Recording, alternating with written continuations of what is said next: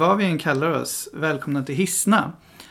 Jag heter Dev Kanal Fredén och jag har inte spelat in det här programmet på tre år. Men jag tänkte att det var dags nu igen. Med mig här i studion så har jag en, min nya eh, poddpartner som eh, sitter här bredvid mig i en Star Trek t-shirt. Ossian Borén här. Hej hej! Hej! Um, Ossian och jag tänkte köra det här programmet till uh, så långt vi kan. Och uh, vi har flera gemensamma beröringspunkter. Ossian själv har pluggat uh, konst på Konstfack i Stockholm bland annat. Och vi båda har ju pluggat spel och konst tillsammans, eller hur? Yes. Två gånger på, genom Valand här i Göteborg och ja, vad heter det, Högskolan i Skövde bland annat. Så det är väl våran nisch eh, på sett till våran bakgrund. Men sen eh, jag är väldigt intresserad av att ta in eh, programmet till en slags samhällskontext. Att se spel som en annan kulturform eh, som också är med och behöver ta ansvar för hur samhällsdebatten formas och för hur vi tar del av vår underhållning. Och jag tror att det kan bli spännande att, att ha den vinkeln på ibland aktuella spel, ibland tema. Det kommer bli jätte, jättespännande. Ja, jag tror det. Eh, dagens tema är mer eller mindre polis och politik. Men eh, innan vi kommer in på det i detalj så tänkte jag eh, och sen, jag har berättat lite grann om dig. Vill du, mm. vill du ge oss lite mer detalj? I lite? Jag tycker det. jag, jag är ju så här en, en riktig spelare kan man säga. En gamer. Mm. Det kommer vi ta upp senare också. Eh, jag, eh, eh, jag, jag håller ju på med konst och så men det har blivit att jag mer och mer tittat på spelen och spelmekanik mm. och eh, håller på med mycket speldesign mm. själv. Mm. Eh, så ehm, vad jag mycket kommer titta på i våra samtal är hur spelen eh, spelas. Kul. Och vad det gör med oss. Det tycker jag är jättespännande. Mm. Ja, men det håller jag med. Det är supernice. Och du har precis lanserat en liten egen spelsajt, stämmer det? Ja, när det här eh, kommer ut så kommer jag ha lanserat min spelsajt P128. Okay. Eh, den kommer ni säkert höra mer om i senare podcasts. Eh, när jag pratar om Fantasy Consoles. Mm. Som vi kanske tar upp i ett senare mm. avsnitt tror jag. Ja, vad spännande. Det här mm. tycker jag är jättekul. En liten teaser. Eh, ja, precis. Det finns många beröringspunkter med eh, det Ossian har valt att prata om och göra en sajt om.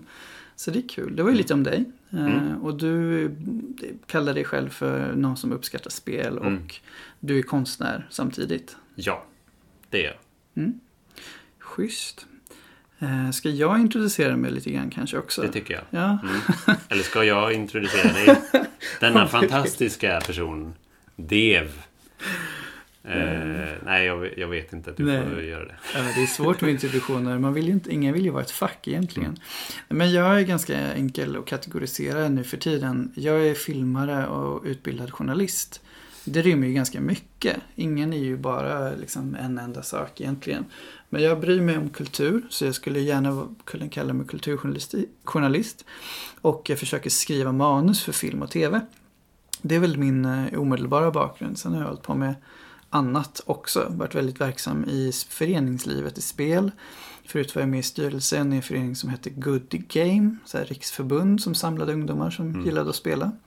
Så det var ju ganska kul. Jag fick lära mig mycket om föreningslivet. Alla upp och nergångar. Um, annat, jag har lärt mig japanska skapligt. Borde mm. verkligen kunna det bättre vid det här laget, så många år som jag lagt det på. Det var ju då vart i Japan. Det är credit i sådana här sammanhang. Men det är vanligt varit i Japan nu. flera gånger. Ja, det är snällt. Men det blir allt vanligare mm. nu. Det är ja. nästan turistmål nummer ett i Asien.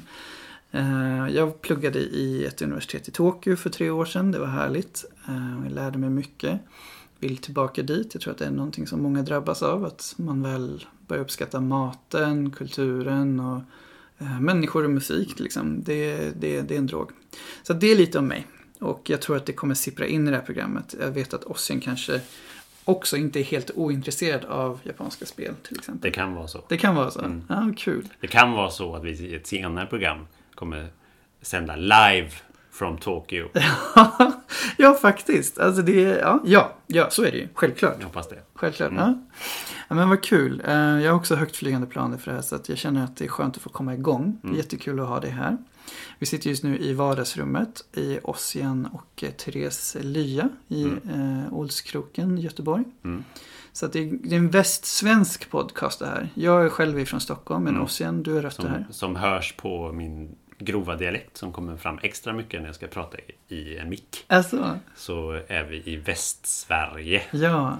ja. Det händer mycket här. Jag är glad att, att ha en eh, local med mig. Ja, Eh, vi har känt varandra länge. och det kommer säkert dyka upp en del grejer i, i podcasten om lokala företeelser som Ja. händer i Göteborg. Men vi är också nyfikna på liknande företeelser, eh, saker som händer lokalt i andra delar av Sverige. Ja. Ifall du som lyssnar eh, har ett tips om något sånt så kommer vi fixa en, en mail. Vi har en mail Vi har en mail. ja, som eh, om du lyssnar klart på hela programmet så får du den mailen av oss. Ja, precis. Det är jättebra Ossian.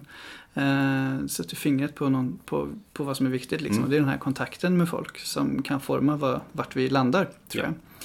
Det är helt sant. Ehm, om man ska börja någonstans så kan jag säga att Ossian och jag och några av våra nära vänner var på en spelmässa i maj i år. Det var inte första gången och det är inte anknutet till det lokala temat men vi är ganska intresserade av nya spel som kommer från indiehåll ofta. Mm. Men också liksom kulturen som, som kommer med i spelen. Och det kommer vi nog gräva ner oss djupare i. Liksom, vad finns det för avsikter? Vad finns det för hopp, förhoppningar från spelare? Och liksom vilken, vilken kultur tar man med sig vare sig man vill eller inte? Så att eh, Nordic Game i Malmö är ju en industrifestival som vi antagligen kommer bevaka även nästa år. Nu är det Mm. oktober så att det är om sju månader. Så Mm. lite väl mycket i förtid här. Men, men det är en spännande plats. Jag hade turen att få intervjua en japansk spelskapare där förra året. Ehm, så att sådana saker kan ju också komma att dyka upp. Mm. Mer mässor och sånt. Ja, är det någonting du har på hjärtat eh, direkt oss igen innan vi kastar oss vidare? Innan vi till... kastar oss vidare. Ja. Ehm, nej, jag tror inte det. Jag tycker vi, vi dyker in. Mm. Jag tror att vi är redo Ja. att dyka in ner i, i politiken. Detta heta ämne. Ja, ja men Eh, faktiskt. mm. Vad kul. Ehm, det, det som är omedelbart aktuellt är väl att Bethesda, det här jätteföretaget, de släpper ett litet spel som heter Wolfenstein 2. Samtidigt är det inte alls länge sedan som eh, riktiga fullblodsnazister marscherade på gatorna i USA, i Charlottesville. Och hade tiki-facklor och skanderade och ja, det var, det var högst verkligt på ett helt annat sätt än de gamla Wolfenstein-spelens eh, glättiga skjut nazister och, och få ära Mm. liksom. Så att det är ett helt annat klimat som vi, eh, vi har i samtiden när det här Bethesda-företaget kan utropa eh, Välkommen till vårt nya spel och så har de en hashtag killnazis och helt plötsligt så blir det någonting kontroversiellt. Det här är, ursäkta, absurt. Jag, Mm. jag kan bara inte förstå att det här är 2017 och jag minns hur folk talade om att 2016 var det värsta året, tack att det är över. 2017 bara fortsätter på den banan. Ja. Det är, 2017 är ju det, det konstigaste året. Jag tror att tidslinjen slutade egentligen 2016 och nu lever vi, vi, vi lever i Trumps huvud. Men, Eh, ja. men eh, ja, kill nazis. Mm. Vilken bra hashtag. Mm. Vad konstigt att den inte redan var upptagen Ja, jag av det. eh, bara vanliga människor. Ja, Kanske veteraner ja. som använder den. Men det är inte så många veteraner kanske från andra världskriget som använder Twitter. För. Nej, så kan det vara. Eh, Wolfen, Wol, jag vill säga Wolfenstein Ja, av en anledning. Men det är eh, av en annan anledning för att det vart eh, Men det kanske vi tar upp senare. ja nu vet jag vad du Eh, tänker ja, på. Ja. eh, men Wolfen, Wolfenstein 2. Ja. Vad, vad handlar det om, Dev? Eh, ja, jag vet. Vi har ju inte fått chansen att spela det riktigt Mm. så eh, släpps det? Det släpps väldigt snart, eh, Mm. slutet på månaden. Ja, Så att eh, The New Colossus heter det. Just och det. om jag förstått det rätt så spelar du som samma ja, bredaxlade hjälte som i första, eh, som kom för några år sedan från svenska Machine Games. Och du har en ny sportig jacka på dig, en gul Mm, mm. eh, sportjacka. Mm. I första spelet så, Blaskowicz heter det ju. Ja. Ehm, jag förstår det som att det är, det, det är fortfarande samma alltså huvudkaraktär som Ja, vi spelade som i gamla Wolfenstein på alltså 80-talet. Precis. Och Wolfenstein 3, det var många Mm. eh, personers första upplevelse av Wolfenstein. Mm, så de har ju uppdaterat det ordentligt. Men det är Eh. samma gamla historia. Ja, egentligen. mer eller mindre. Eh, den är ju ganska välgjord original, eller inte original, men det förra Wolfensteins-spelet. Där skildrar du ju en nära relation med din flickvän och den sortens terror när nazismen är det nya normala får du ju bara vältra dig i. Mm. Popmusikerna, liksom, deras Beach Boys är ju människor som sjunger om min fyrer och Alltså det är normen på ett sätt som var ganska häftigt gjort. Mm. Vi provade att spela det lite och Mm. jag vet att du hade Ja, berätta vad du tyckte om det Jag korta. tyckte tyvärr inte jättemycket om det. Mm, det, det första som liksom kom. eh, The New Order. Ja. Precis. Eh, bara, det var inte min sorts Mm. spel direkt. Mm, Däremot så gammalmodigt. gjorde jag ganska mycket hashtag killnazis. Mm, Och det, det var väldigt kul. Ehm, Det var också just den dagen var eh, eh, Tidigare under den dagen hade ju eh, Nordfront, Nord, ja, Nej, Nordfront Nordiska motståndsrörelsen Nord- här i Göteborg. helt precis.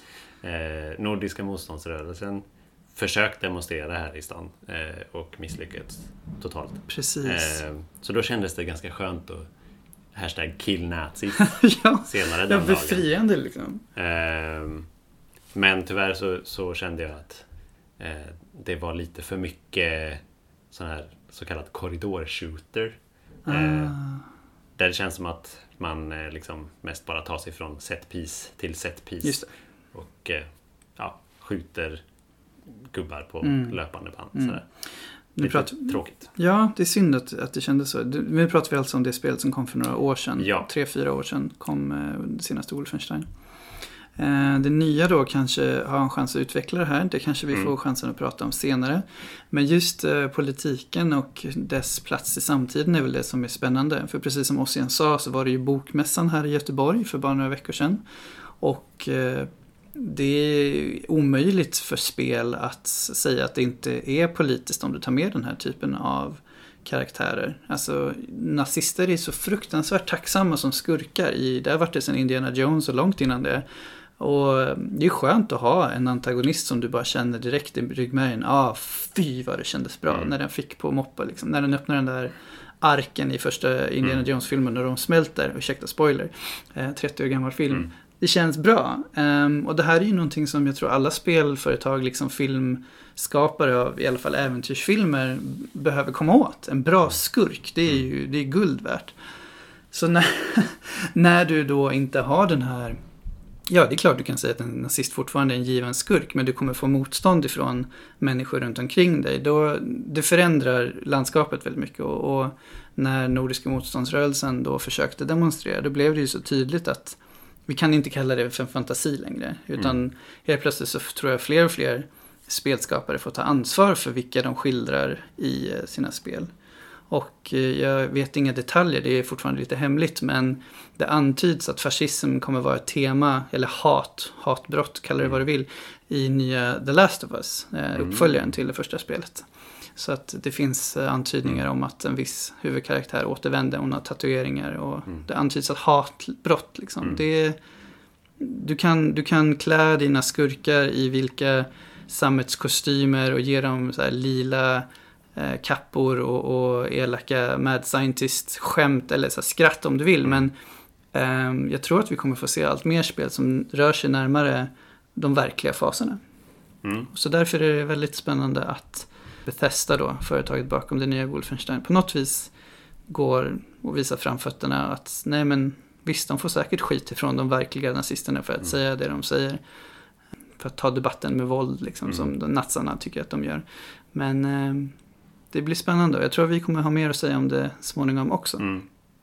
Men visst är det också så att jag, jag vill minnas att i ett lite äldre Wolfenstein-spel, om det var Return to Castle Wolfenstein, som var en stor hit för 15 år sedan kanske. Eller Mm, sånt där. Ehm, så var det också en snackis för att det var ehm, man använde inte svastikas någonstans i det spelet. Ah, Gud, det minns Om inte. jag minns rätt. Nej, men jag är det- ganska säker på detta. Jo men det är nog relevant. Jag kan Eh, tänka mig att det var en känslig... För att det var känsligt eh, då från andra hållet då. För att eh, ja, folk eh, kände att eh, de kanske inte vill återuppleva Mm. eh, delar av kriget. Vilket är lite konstigt för att man åker ändå till, till Nazityskland och skjuter nazister återigen. Eh, men eh, och nu har vi nästan samma grej fast tvärtom. Mm. Att när vi nu har ett spel som kommer att ha eh, swastikas och Ja. tydliga nazisymboler så, så har vi tvärtom folk som klagar för att det blir eh, eh, politiskt eller liksom Ja, eh, och det, det känns jättemärkligt att det är så här flippats, eh, gjort en 180. Och eh, i, definitivt i, i gamla Wolfenstein 3D då slutar ju spelet, återigen spoilers, med eh, eller det kanske inte ens är slutet i spelet, men det är det sista jag gjorde i spelet. Ja. Döda Hitler eh, i en stor robotdräkt. Ja, jag minns. Och det är, ja, det är en väldigt skön eh, känsla att döda Hitler. Nej, men jag tror, jag tror att du är någonting Ja. på spåren. Det, är, det måste kunna få finnas den här renande känslan, en slags Mm. katarsis i Ja. att få förgöra en bra skurk eller få se en historia där det sker. En film eller en bok, Mm. vad som helst. Och jag tror att nazisterna har ju varit sådana skurkar länge och jag tror att vi behöver, vi behöver inte Mm. nyansera den bilden tycker jag, men vi kommer tvingas ehm, diskutera vad Mm. en skurk innebär när vi har dem runt omkring oss på ett annat sätt. Jag menar, Jag, jag tror lite så här att eh, ett tag där, eh, kanske ja, 15 år sedan, Mm. ru- runt eh, eh, Return to Castle Wolfenstein. Eh, vi hade Call of Duty-spelen, Medal of Honor. Eh, det var, vi hade eh, flera strategispel eh, som var i andra världskriget. Och eh, nästan alla handlade om att döda nazister på olika sätt. Mm. Du kan vara en ryss och döda nazister, amerikan döda nazister, britt, fransman kanske. Mm. Vi... Jag, jag tror att vi blev lite övermättade. Många an, Mm. ansåg ju det. Att vi ble, det blev för mättat med spel som handlade om andra världskriget eh, och döda nazister. Så vi började titta på andra scenarion där vi kan som eh, eh, spelet Killzone kom där vi det. dödar inte nazister. Nej, som men det är samma fascistiska- som, ja, Det är samma klädkoder och Precis. väldigt liksom SS-soldatliknande Mm. och fast i rymden. ja, just det. Eh, och sen så eh, kom en, eh, det är Call of Duty då som var Mm. traditionellt ett andra världskriget spel. Bytte till en modern setting. Och sen dess har det, vi haft spel som utforskar massa olika scenarion och settings egentligen. Ofta i kanske en framtid eller en mer fantastisk, eh, eh, fantastisk scenario. Ja. Eh, jag tror att vi, vi har haft väldigt länge nu så har vi, vi lite grann, vad ska man säga, gått ifrån nazister som, som skurkar. Det är ju väldigt vanlig, det är en vanlig trop i Mm. alla möjliga filmer och, och spel och sådär. Men, men vi har gått ifrån det. Och nu så tror jag att en anledning till att folk bli, blev upprörda är att de hade hunnit glömma bort de här gamla spelen. Och jag tror att eh, vi, vi eh, det har blivit mer laddat liksom. Vi, det, det är precis som du säger, nu är det en riktig, en, en reell sak att, att vi kan gå ut på gatan och se nazister. Ehm, och plötsligt så känns de inte som ett eh, som det gjorde när jag var liten i alla fall, att nazister var något gammalt som Nej, kan, alltid kan sparka på. Liksom. Mm. Så eh, jag förstår ändå rädslan inför att börja använda nazister igen som, Mm. som skurkar. Samtidigt som jag tycker att det behövs. Ja, jag håller helt med. Påminna oss om att these are the bad guys. Ja. Nej men verkligen. Och jag kan hoppas att det också lyfter speldebatten lite. Mm. Ja, men det här är ju bara en, ett första steg. Vi får se hur spelet artar sig och hur debatten ser ut när det Mm. kommer. Men jag tror också att det är tydligt att vi kan, jag, jag upprepar mig lite grann här nu, men jag tror att det kommer vara vanligt att verkliga händelser återspeglas i spel. Inte genom att Mm. vi får se exakt vad som har hänt i ett spel, så här skildrat, men att vi får se resten av det. Mm. Precis som efter 2001, eh, 11 september med 9-11 och, World Trade Center. Så tror jag att eh, alltså folk var ju superkänsliga för att skildra ehm, terrorism efter det. Eller du ville ha någon slags Mm. utlopp för det. Du ville få den Mm. här, det här renande katarsis och på något vis eh, var de goda och bekämpade de så kallade terroristerna. Vart de än kom ifrån. Det, det var en tydlig sak. En trend som du kunde se i filmer. Mm. Liksom. Filmer som annars inte alls skulle ha fått lika stor spridning betydde något för den amerikanska folksjälen.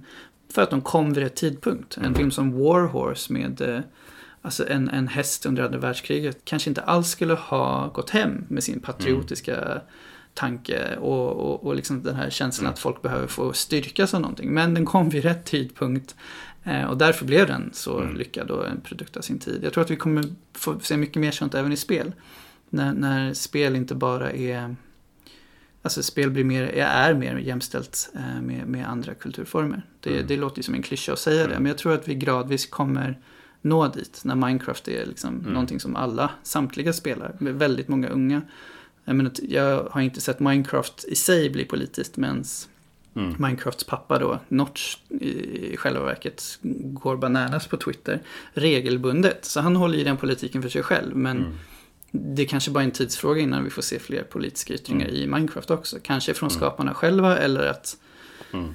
ja, kanske att användarna själva Mm. tar till det. Vi får se. Minecraft blev ju politiskt när eh, Steve, som är huvudkaraktären i Minecraft, som Ja. är eh, liksom själva gubben som man går omkring som. Ja. Eh, De la till flera olika skins. Så Ja, man kan också nej. spela som, som en tjej. Wow. Ska det, ja precis. Och en, eh, en mörkhyad person. Ja. Får ge sig, ursäkta. Mm. Ja, okej. Ja, nej. Eh, vill inte minnas att många klagade på det. Men det hade de säkert gjort om den uppdateringen hade kommit idag. Ja, nej men säkert. Eh, det kanske ska sägas också att det är ganska tydligt um, när det kommer till avsikt. Ossen och jag är väl inte opartiska, vi är väl ganska rosa i sådana här frågor. Ja. Det kommer vara väldigt tydligt i våra ämnesval och hur vi närmar oss ämnen framöver. Det kan vara värt att nämna liksom att mycket spelkultur är inte politiskt och, och gör det av berörelseskräck skulle jag säga. Mm. Och jag tror inte att jag, vi vill vara en del av det. Jag tror att vi snarare vill stå för någonting som ändå säger ifrån om man kan. Mm. Eh, vi får se, vi är bara en liten podd. Jag tror inte vi kommer förändra världen. Men, men vi kan vara en liten, eh, ett litet slagträ. Mm. Eh, ifall det känns rimligt. Den här podcasten började för tre år sedan när jag snackade med Kjell och då var Gamergate någonting som var ett faktum. Mm. Det är ingenting jag längtar efter att prata igen. Men jag kan Nej. bara nämna... Jag kan De har nämna... fortfarande inte gett sig. Nej, precis. Gamergate för den som inte minns eller inte har läst på om det. Det var ju en, en rörelse som ut, sade sig tala om ethics in game journalism. Mm. Alltså etik och moral i speljournalistiken. Där det var viktigt att personer inte skulle, alltså personer som recenserade spel eller gjorde spel inte skulle vara i maskopi. Det var, det var fruktansvärt många Eh, bortförklaringar. Eh, bland annat en person var i huscentrum för det här, Zoe Quinn. Hon har just kommit ut med sin självbiografi som skildrar hela den här tiden och helvetet som följde. Boken heter också How Gamergate Nearly Destroyed My Life. Hon var då tillsammans med en journalist som valde att svartmåla henne. Hon hade väl träffat någon annan och så brakade helvetet löst. Men deras lilla liksom, privata angelägenhet var ju, alltså det blev ju bara en symbol för någonting som blev mycket större. Och nu i dagarna så har det uppdagats att eh, de här krafterna som påstår sig strida för så kallat moral i tv-spelsjournalistik. De var ju finansierade och påäggade av verkliga högerpersonligheter, alltså jag ska nästan säga högerextrema. En britt som heter Milos Yiannopoulos och eh, ja, Breitbart, alltså de Steve Bannon som ligger bakom den en- enorma amerikanska extremhögern. Eh, de var med och spred, jag ska inte säga desinformation, men ja, propaganda i Mm. spelkanaler. Och det här är någonting som inte förrän nyligen uppdagades, hur tydligt du kan påverka eh, kulturen med din politik. Och därför så sprider du dina budskap, alltså dina extremhögerbudskap och gör dem lättare för folk att ta till sig. Det här var innan folk ens började tala om, eller alt-right, eller alt, alternativhögern. Eh, nu är det ju ett vardagsord och man stöter ju på det för jämnan. Men det här var så de jobbade. Mm. Eh, Sen dess kan man läsa väldigt mycket om hur de pratar om eh, någonting som heter metakultur, vilket är att du går in i kulturen för att sprida dina politiska budskap Mm. och då formar du samhället. Det är, det är ganska bakvänt, men Mm. Det är tragiskt att det sker och eh, Gamergate är väl inte ett ord som nu har någon legitim eh, hävdande rätt längre. Mm. De fördömdes av samtliga. Men eh, det var först nu som man lyckades nysta fram hur det hade gått Mm. till. Det faktum att vi tar upp Wolfenstein och nazister är eh, inte alls orelaterat till hur det kan se ut i spelkretsar. Tyvärr inte. Ja, och det har ju blivit jobbigt att se sig själv som en så kallad spelande person. Alltså jag tar inte gamer lätt i, i, i mun för att det hör ihop med Gamergate. Eh, Den spelkulturen har blivit så infekterad. Mm. Så det var bara en kort sammandragning av hur läget har sett ut. Och jag hoppas slippa prata mer om Gamergate. Men det känns som att det behövs motkrafter och det är jobbigt. Det, det, det är ansträngande att vara en motkraft. Egentligen Mm. kanske många där ute bara vill kunna säga att de vill spela spelen de gillar Mm. med personer de gillar och må bra. Mm. Det är Ehm, någonting jag har tänkt på nu medan vi pratat. Ja, Eh, det är ju ändå...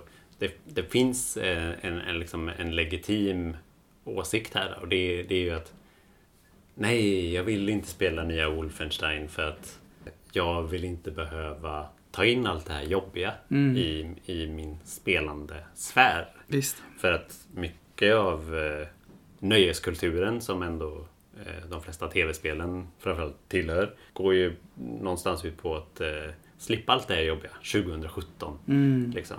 Vi vill eh, sätta oss ner och spela lite någonting annat. Ja, lite eskapism, lite verklighetsflykt. tänka på Trump Nej. till exempel. Eh, och då, då kommer ett spel som påminner oss om de här nazisterna som är utanför på gatan. Liksom. Mm. Sen eh, råkar det här vara ett spel där man kan skjuta dem och döda dem. eh, och det kan ju vara uppskattat men, men det kanske ändå är så att man vill eh, drömma sig bort någonstans. Man vill eh, utforska ett outforskat fantasilandskap Mm. hellre. Liksom. Ja, men jag kan köpa den åsikten. Jag kan eh, skriva under på det. Men är inte kruxet liksom att även det fantasilandskapet också är färgat av de här åsikterna som vi har om eh, våra politiska åsikter. liksom. Mm, ja, verkligen. Det, det är trist att det ska behöva vara så, men så är det ju. Mm. När jag läste filmvetenskap så var det vanligt att man sa att all kultur är mer eller mindre politiskt. Mm. Om det inte är uppenbart varför det är politiskt så är det nog för att den upprätthåller politiken som redan råder. Som en Precis. slags status quo. En romantisk komedi är inte politisk helt uppenbart. Eh, inte, inte på utsidan, men på insidan så upprätthåller den gamla normer och den, Mm. den befäster att säga, nej men Mm. gilla läget, gilla politiken som den ser ut som gör, Mm. i den här, som gör att den här Mm. filmen kan komma till, att den här verklighetsbilden Mm. stämmer. Så att jag tror att jag kan förstå lite grann Mm. vad du pratar om. Ja. Vi kommer nog ta upp det här desto mer, för jag älskar eskapism också. Jag tittar Mm. på japansk tecknad film och kan känna att det erbjuder en världs, inte åskådning, för det är inte det jag menar, men det erbjuder en form av eh, alltså kreativt nöje som är svårt att hitta någon annanstans. Men jag skulle nog inte ens vilja att de försökte ta itu med politik för Mm. att det kan bli svårt. Det finns Mm. några enstaka gyllene fall. Det Mm. finns en eh, skridsko-anime som heter Mm. On Ice, jag rekommenderar samtliga att Mm. se den. Den lyckas ju få in ganska alltså holistiska, heltäckande budskap som jag Mm. vill ta del av i verkliga världen och så är det en kreativt, eh, en smällkaramell, alltså den är Mm. lyckad. Men det är, det är inte normen. Nej. Så att jag, jag kan förstå behovet av att fly också. Det, jag kommer att tänka på, eh, ska vi se, jag tror det är HBO som, Mm. som eh, ju gått ut med, de, de skulle göra en, en serie nu, en tv-serie som, som handlar om ifall eh, nazisterna har tagit över. Ja, är det The Man in the High Castle? Nej, den är ju... Nej, nej, men den, The Man in the High Castle, den, den, den är ju mer en, eh, det är en gammal historia. Eh, som är skriven på typ 60-talet om, Mm. eh, om eh, if- ifall nazisterna liksom det, vann. Och, och eh, Wolfenstein 2 verkar ju ha en liknande. Det är också typ 60-tal eller någonting, 50-60-tal efterkrigstiden och eh, eh, nazisterna har tagit över eh, Amerika. Liksom. Eh, men eh, nej, jag tror att den här serien utspelar sig i nutid. Mm. Men problemet var i alla fall att eh, det blev lite... De hade en, en liksom spelar ut en fantasi eh, helt enkelt i den här nya serien. Eh, TV-serien Confederate Mm. som är en HBO-serie som skulle haft premiär nu under hösten. Men eh, som senare lagts. Men verkar som att den faktiskt kommer att ha premiär. Mm. Eh, som handlar om eh, ifall sydstaterna hade vunnit The Civil War i, i USA. och således haft slavar fortfarande till exempel i ett, fy ett, nu, i ett nutida USA. Sen kommer ju hela den här eh, Tiki Torch eh, Ja, Charlottesville, eh, Charlottesville-grejen. marschen, liksom. ja. och, och, där, och det har varit väldigt mycket snack om Confederate-flaggan. Eh, Ja, den här sydstatsflaggan. Den har kommit att bli en symbol för en ny sorts eh, ny sorts är det ju inte riktigt för det är samma gamla skit men en, eh, ansiktet, eh, ett nytt ansikte för nazismen i USA. Och det, det känns så bisarrt att, Mm. att det... Och som vi pratade om innan, eh, The Man in the High Castle som är en gammal historia då. Som, som också är en sån här what if historia om nazisterna. Och det är liksom... Det är så sjukt att, det, att, att vi ska behöva... Ja, det är verkligheten liksom. Ja, att det är verkligheten, Det, det förändrar liksom. hela verklighetsbeskrivningen från när vi vaknade för något Mm. år sedan innan Trump blev president. Mm. Och det så här, helt plötsligt så är det här vardag. Vi är inte Mm. förvånade längre. Det har ju stegrat och bara eskalerat till en nivå där Mm. jag vet inte hur länge det kommer fortsätta kunna stegra. Mm, Det är ju en, det är en annan verklighetsbild än det var för några år sedan. Och det kommer ju skildras i all kultur också. Den här tv-serien Confederate som Ossian pratar om. De måste ju ha spelat in den. I alla fall på man, Mm. de måste ha haft manuset färdigt sedan långt innan de Ja. trodde att någonting av det här skulle ske. Jag säger de borde, för att annars skulle de ha stoppat det i tid. Mm. Det, de vinner ingenting på det om de inte själva då är, om det inte är propagandamaterial för, för sydstaterna. Jag har läst mycket om, jag tror vi båda, alla har väl läst om vad som händer i USA. Man vill kanske inte tycka att USA ska påverka vår världsbild så mycket. Mm. Men det är väl någonting vi bara fått lära oss. Att tar vi in underhållning därifrån och alltså påverkas av deras politik så är det ju en del av vår världsbild också. mm, Så det var nog, några kloka människor sa att om...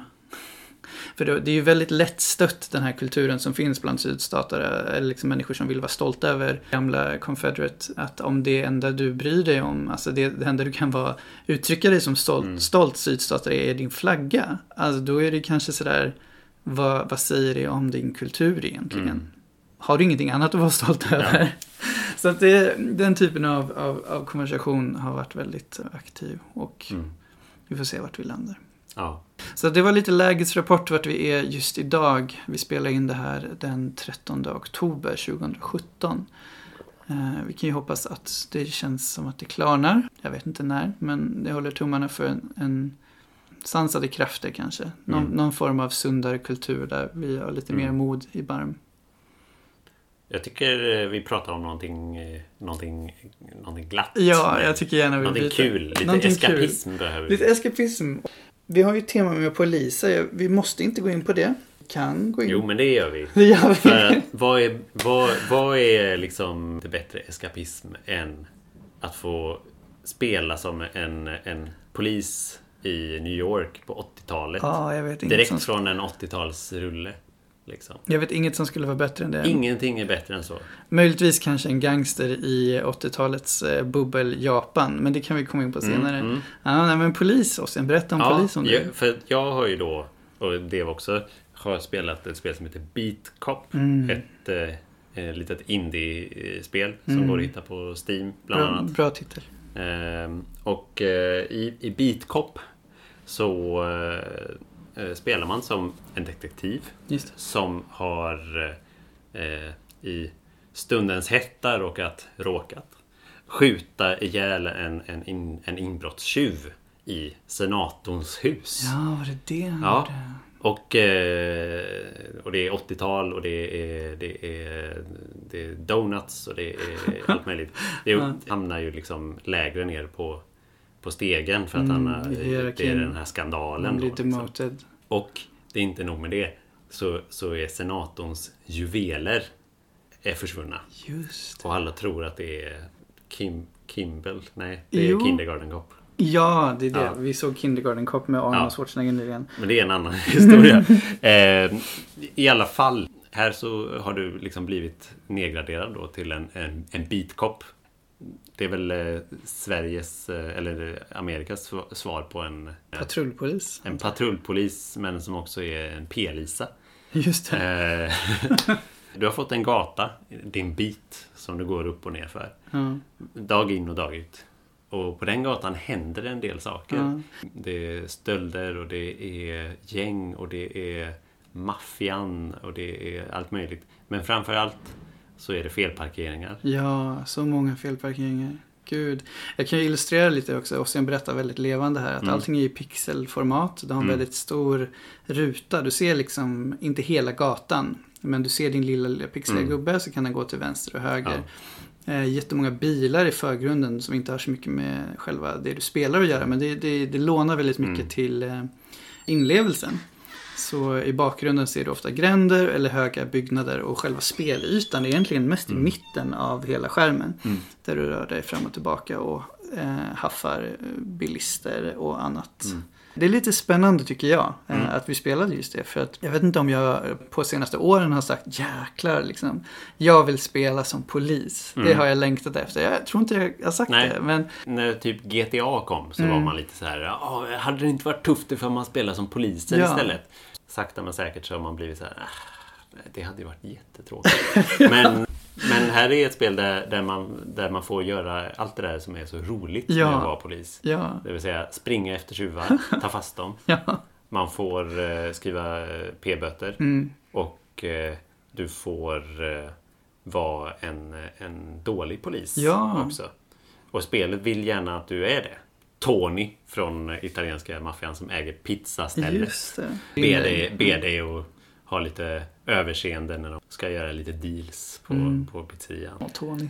Ja, ja, det är så mycket eh, problem som vi kan prata om här. Mm. Eh, Det- är jättemycket som finns att hämta. Ja. Eh, Och vi har också en, en klausul.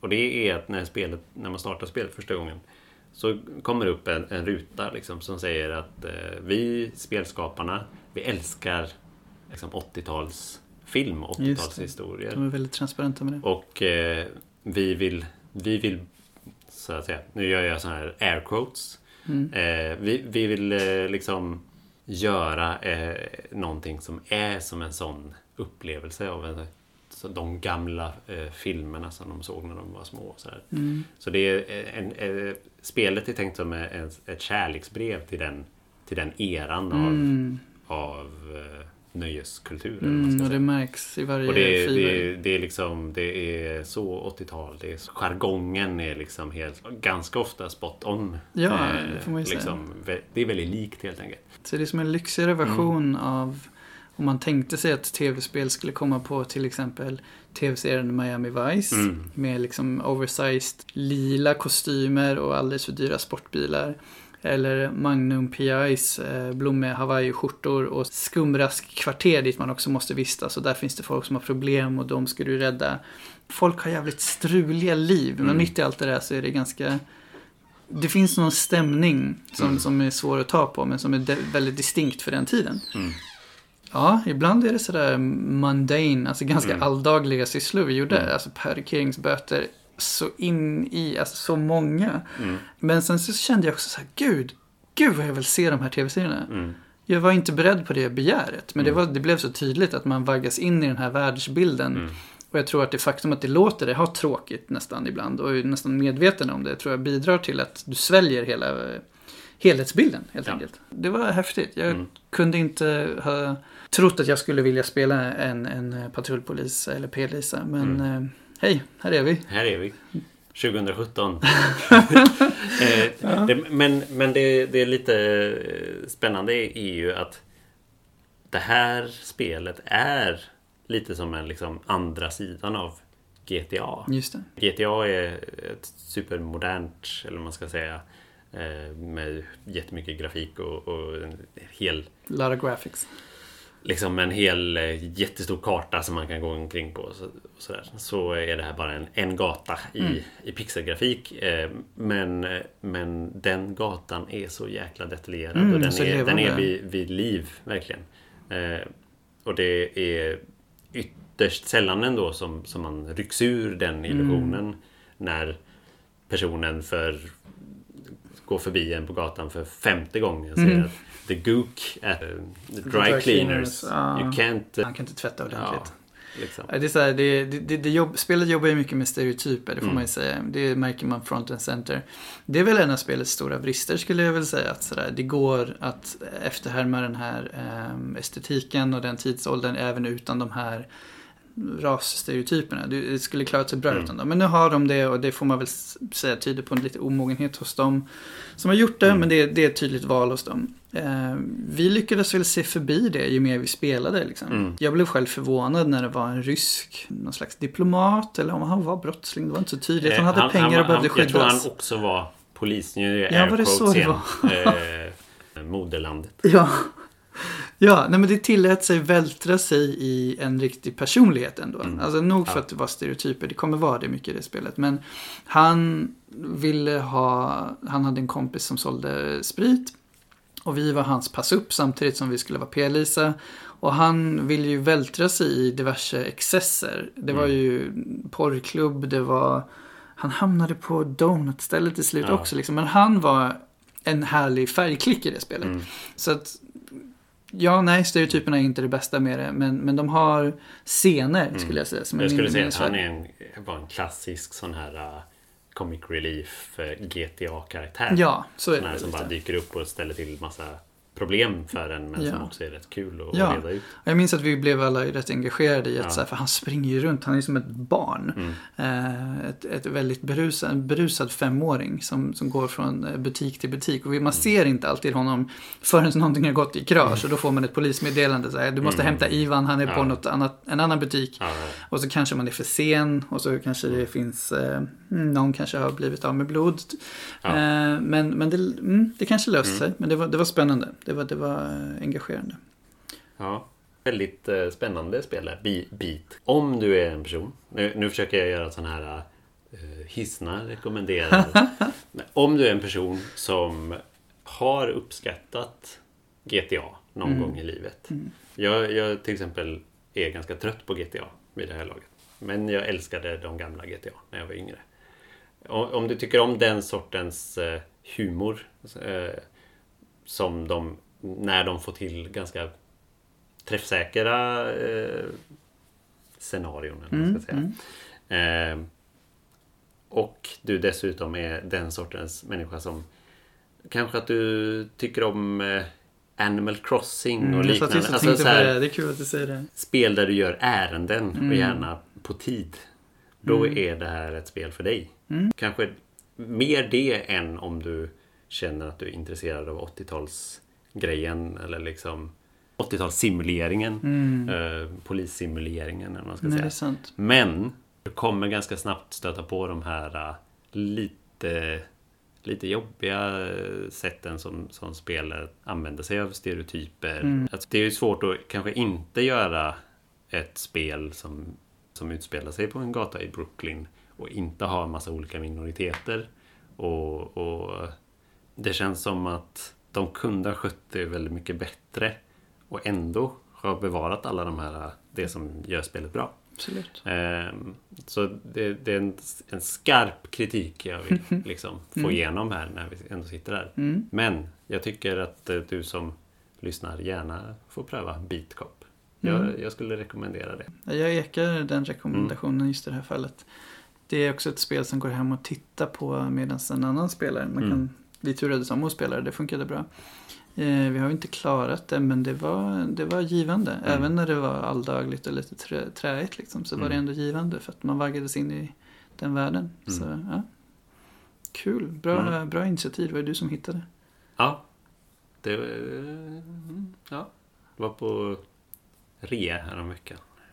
Så det kommer säkert dyka upp på rea igen. Ja, På en, en internetbutik precis. nära dig. Precis. Eh, men eh, vi hade ett annat spel vi gärna Mm. ville prata om. Mm, absolut. På tal om GTA. Ja, verkligen. Ehm, Det här, den här spelserien, nu har jag kört det här så att uh, Ossian kanske inte har lika mycket spelerfarenhet men jag tänker mig att jag kan eh, berätta lite så, Mm. får du, så får du gärna fråga. Jag det. tänker att jag är liksom, för att de, det här, alltså de flesta som kanske hör det här kommer och nog också känna, vad är, vad är det, vad är det han pratar om? ja, ja. ja, men det är väldigt mycket på temat eh, när Ossian nu pratat, eller vi tillsammans pratat om Beat Cop, ett 80-talsspel i eh, USA. Är Mm. en, så där du spelar du en polis och i det här spelet som jag tänker på så spelar du en undre världens gangster i 80-talets Tokyo. Så att vi flyttar oss alltså till Japans Yakuza. Mm. Spelet heter Yakuza i västvärlden. I Japan så heter det likt en drake. Eh, Ryuga Gotoku heter det där. Så det här är alltså del 0 i serien, en slags prequel. Det utspelar sig innan resten av spelens eh, sex olika delar. jag ja, sex stycken. Mm. Ja, det här är... De har också Samurai spin-offs också, Mm. men de kom inte till Europa. Så den, väl, den har blivit väldigt populär. Och Mm. det här är en av de som de verkligen la tid och energi på att göra väl. Eh, Den absolut senaste delen i väst heter eh, Yakuza Kiwami. Kiwami betyder Mm. extrem på japanska. Och det är en remake på ettan. Vi behöver inte prata så mycket om det nu, men det är den senaste delen. Men Mm. på temat så, så håller vi oss till 80-talet. Mm. Eh, Kiwami, alltså den första remaken eh, på första delen.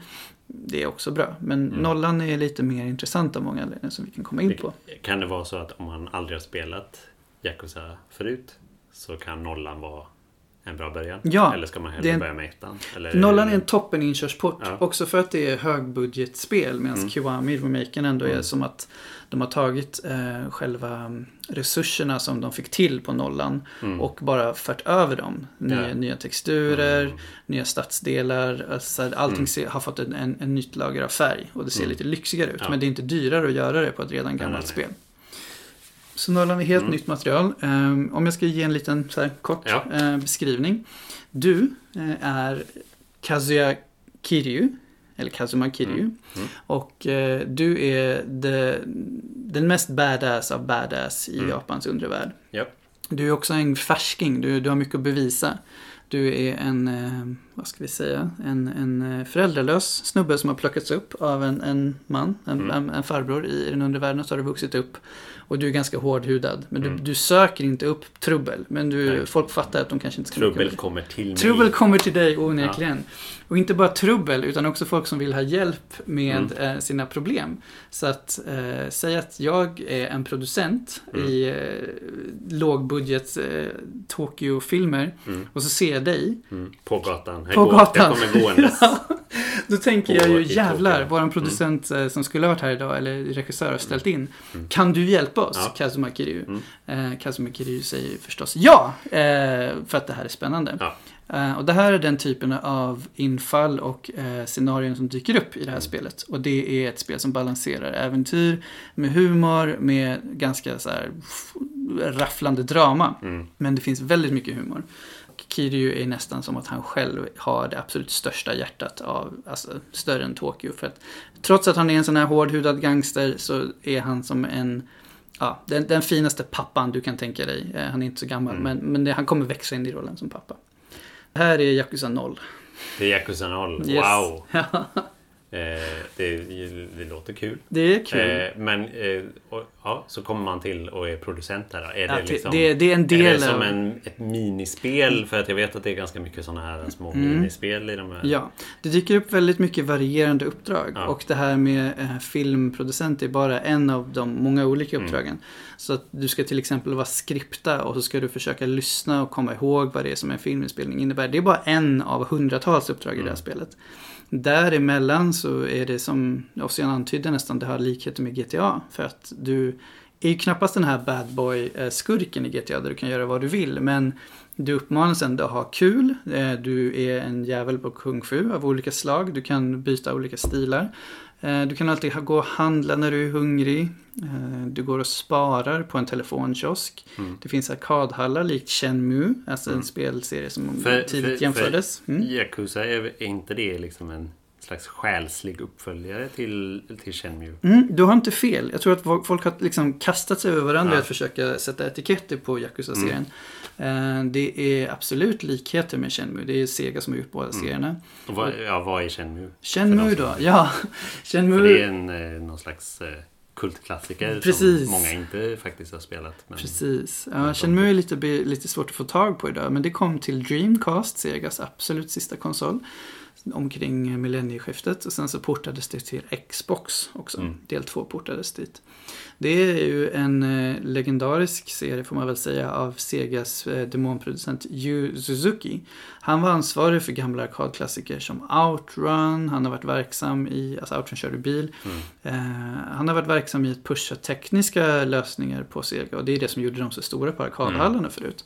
Så det här var hans drömprojekt. Eh, Det hette Project Berkeley länge, planerades till Sega Saturn på Mm. 90-talet men kom till slut på Dreamcast, två delar. Och nu kommer ju då den tredje delen i den här sagan om Ryo Hazuki. Eh, Mm. Det är Shenmue liksom. Han Mm. eh, ska hämnas sin far, han ska komma till Kina, han får jobba sig upp med att vara hamnarbetare, han får Mm. gulla med kattungar. För det är The också works, det här liksom. liksom att det är vad ska man säga? En livssimulator en, nästan. En livssimulator. Alltså så här, man har en plats, man går omkring i den. Ja. Man kör gaffeltruck. Ja. Eh, och det är typ också så här, man kan gå till en arkadhall och Ja. spela lite. Man kan gå till snabbköpet och prata med någon. Och, Absolut. Och, och, och sådär. Och i andra spelet så hamnar man i Mm. Hongkong. Ja. I första spelet så är du ju eh, ökänd för hur, eh, hur trög han är när Mm. den lokala barndomsvännen försöker visa sina känslor för honom. Mm. Han gång på gång bara I have to find my father. Mm. Han måste hi- också Mm. hitta sjömän, vilket är Mm.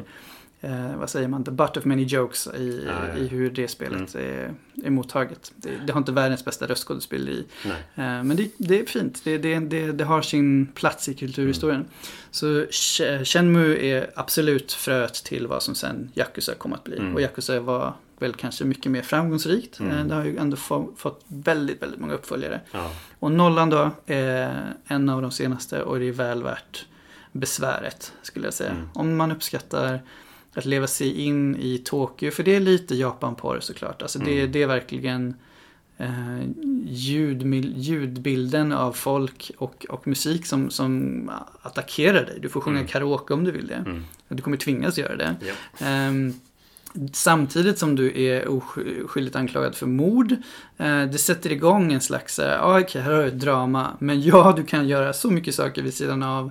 Ehm, och det finns också sidouppdrag som, som på, på något vis förstärker dramat också. Mm. Ehm, det, det är en jäkligt eh, övertygande bild av 80-talets Tokyo. Mm. Och eh, ett engagerande drama. Det är inte så många som pallar hålla på med en historia i sina spel idag vet jag. Eh, när det finns sidouppdrag. Men det, här har en, det har ändå en engagerande historia.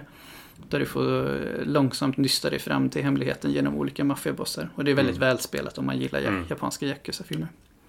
Så att eh, det rekommenderar jag. Mm. Är det någonting du tycker jag har missat när jag pratar om Om, det? om, om Yakuza. Jag, jag har ju då nästan aldrig spelat Mm. det. Jag tror jag har liksom hållit i en kontroll och Mhm. gått omkring med gubben Mm. lite. Mm. Ehm, men jag vill minnas att det var ganska, alltså att det är ett slags actionspel. Ja. Mer än, än om, vi, om vi typ tittar på GTA. Ja, Som vi alltid gör.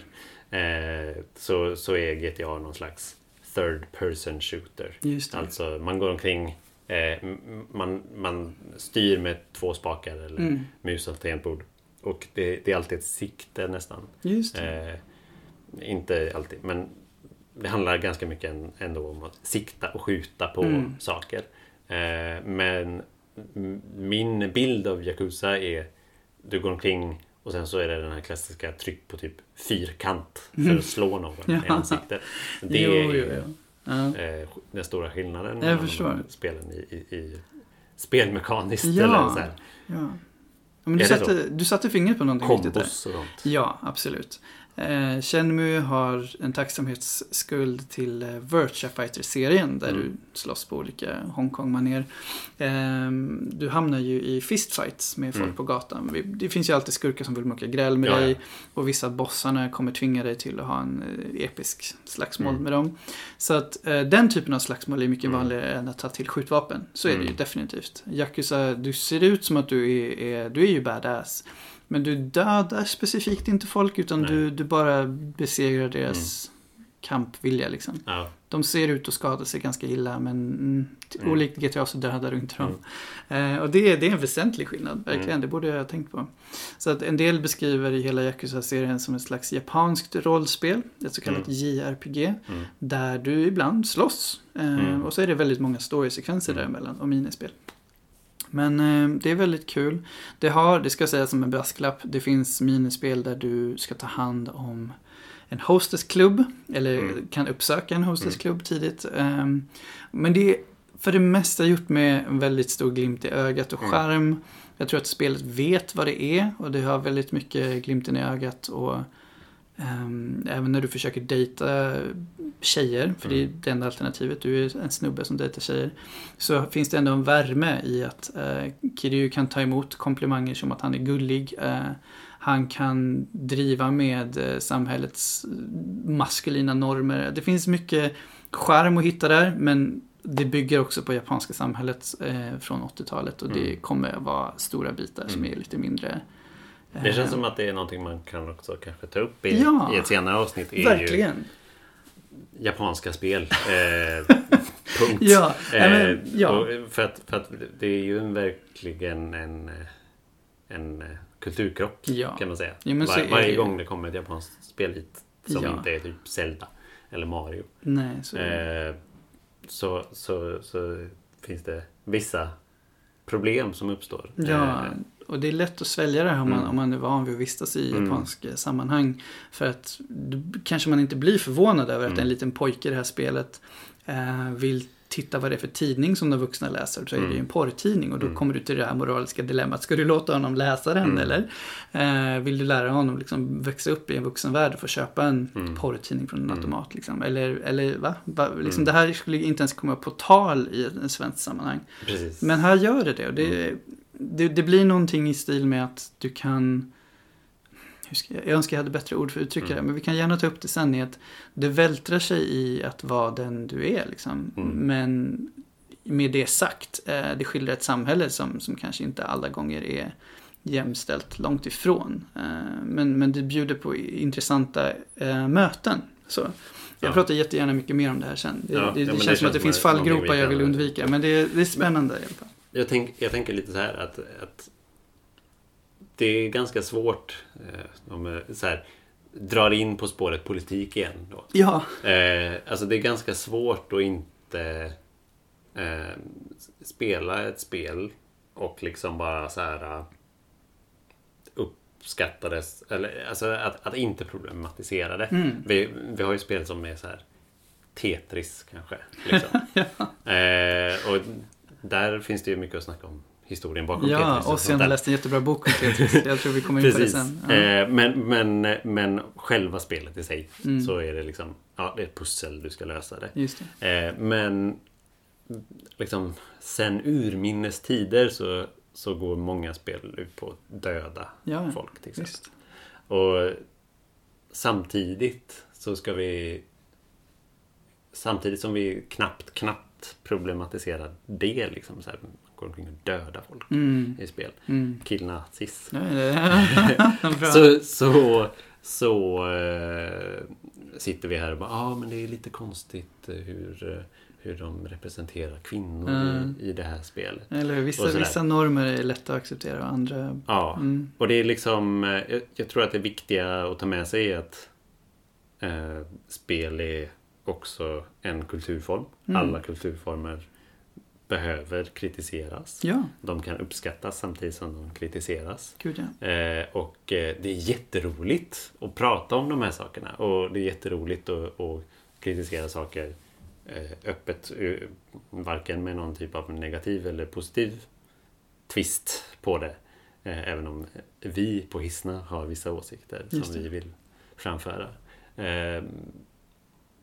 Ja, det, något sånt vill ja, men jag säga. Det var bra. Jag menar, jag menar Asien kommer säkert ha åsikter som går isär, men det kan ju också mm. vara en spännande debatt i sig.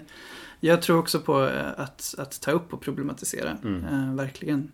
Det är väldigt lätt att sätta sådär brasklapp, inte brasklapp men så här, så här, det här är innehåll vi inte mm. ens vill ta del av. Men jag tror att, ja, jag tror att det mm. går att utveckla eh, hur man snackar om kultur och spel då i, sin, i mm. vårt fall. Eh, genom att ta upp de goda och dåliga bitarna samtidigt.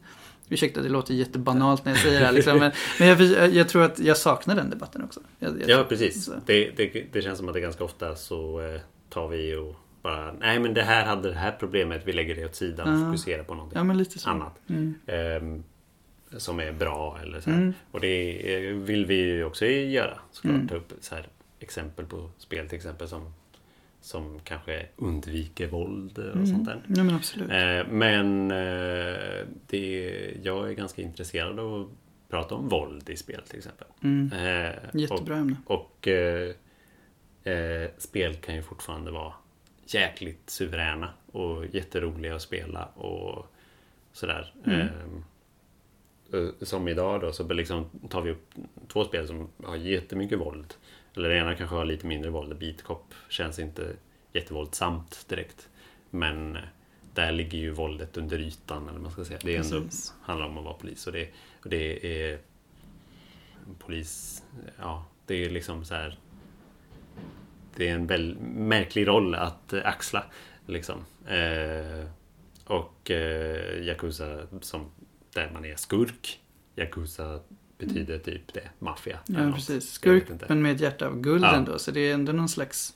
Jo, men precis. Mm. Det är dubbelsidigt liksom. Mm. mm. Eh, och eh, jag antar, eller så här, du verkar uppskatta Yakuza. Jag gör det, mm. absolut.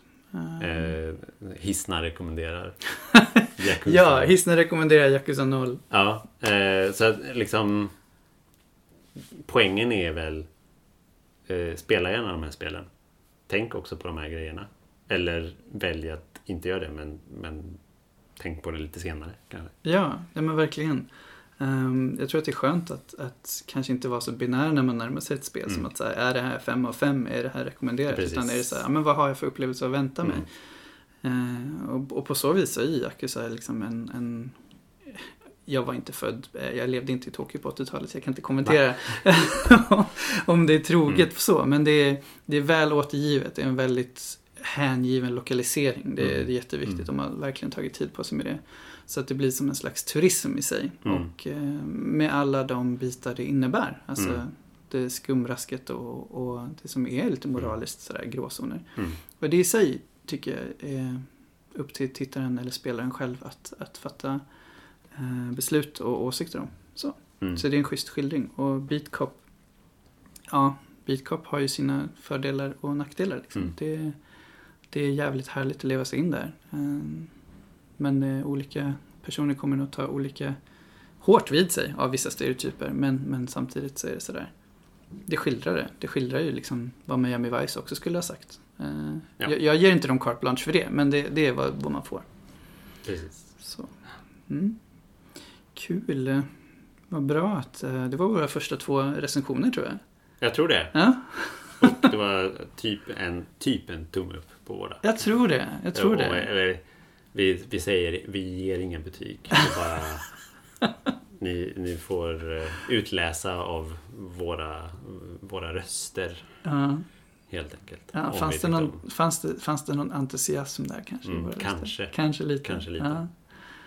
Ja men vad kul. Uh, vad härligt. Det är mm. ändå tematiskt relevant också. Uh, på poliser och uh, politik. Mm. Ja, jag känner att vi har väl kommit igenom de flesta av ämnena vi skulle ta upp för ja. det här första avsnittet. Mm. Vi kom ju in på långa diskussioner här mitt i när vi pratade om spelen som i sig är värda att tas upp bara i sig. Liksom. Mm. Också jag nämnde våld. Jättebrett ämne. Vi kommer väl kunna specificera också. Ja. Men det är väl den typen av innehåll som jag tror vi kommer ägna oss åt lite mer. Gärna genom, um, alltså filtrerat genom aktuella händelser och spel eftersom det ändå är ämnet vi har valt. Mm. Och mina erfarenheter kommer väl färga vad det är vi väljer att ta upp. Och eh, jag nämnde ju tidigare att visst, Ossian och jag är väl inte jätteolika varandra i politik. Men jag tror inte att vi kommer jag tror inte att det kommer hindra oss från att ta upp saker som, som ändå kommer från andra politiska läger. Eh, vi kommer nog ha gäster förr eller senare som, mm. eh, också, kan, ja, som också kan bjuda på olika eh, åsikter och vinklar. Och jag tycker om när det är högt i tak. Eller mm. ja, jag kanske inte älskar det. Men jag tycker det blir spännande. Det är bra med spännande diskussioner. Det är bra att bli utmanad. Så att ifall det var någon som eh, ryckte till när jag sa att Ossian kanske lutar åt, jag vet inte, rosa politik. Så är det, så är det väl framförallt inom en spelkontext som jag tror att just nu så är det den typen av tankar som, som behövs, tycker jag. Ja. Och jag tror att det finns väldigt mycket arbete kvar att göra. Så att vi tipsar gärna om lokala eller i alla fall nationella sammanhang där man kan få känna sig trygg. Eller känna att man är bland gelikar. Att man mm. får ha kul. För att på något vis är det som att det helt plötsligt har blivit svårt att, för många, som särskilt icke-män i spelkrets, att bara kunna säga att man vill vara stolt över att spela eller att få umgås med andra som spelar utan att det ska vara någon konflikt. Och det är ju inte riktigt så. Det är ju ofta en konflikt. Liksom. Det är, det är tråkigt att det ska behöva vara så. så det vore, vi bidrar väl med det vi kan um, småningom för att Mm. underlätta tror jag. Det är bara en podd, men eh, jag tror att man kan göra någonting bra med det. Det finns jättemycket kul man kan göra med en podd. Mm. Därför är vi här. Ja, verkligen. Eh, jag tänker eh, vi vill ge en mailadress eller Ja. någon typ av... Ja, jag har en, jag har en mailadress. Det är hisnaradio.gmail.com. Mm. Eh, Vi kommer också dyka upp på de sociala medierna. Eh, De, alla de där, Tjoblangen, Ansiktsburk Mm. och eh, Instagram och sånt. Men hisnaradio gmail.com kan ni nå oss på. Så det Kom med åsikter, kom med frågor, kom Ja. med förslag på spel vi ska spela eller prata om. Kom med kritik. hemskt gärna. Allt, allt är bra. Ris och ros. Ja. Gött. Ehm, och jag tror att vi är redo att signa off med det. ja. Är det någonting du vill eh, hälsa eller Eh, säga? Det är ditt första avsnitt. go kill some nazis. ja. Go kill some nazis eh, är vad jag också önskar er där ute. Ja. Tack för det här första avsnittet på, på Nya Hissna. Det här är, det här är Dev och Hoot där som ni hörde var Ossian Borén. tack så mycket Ja. för oss.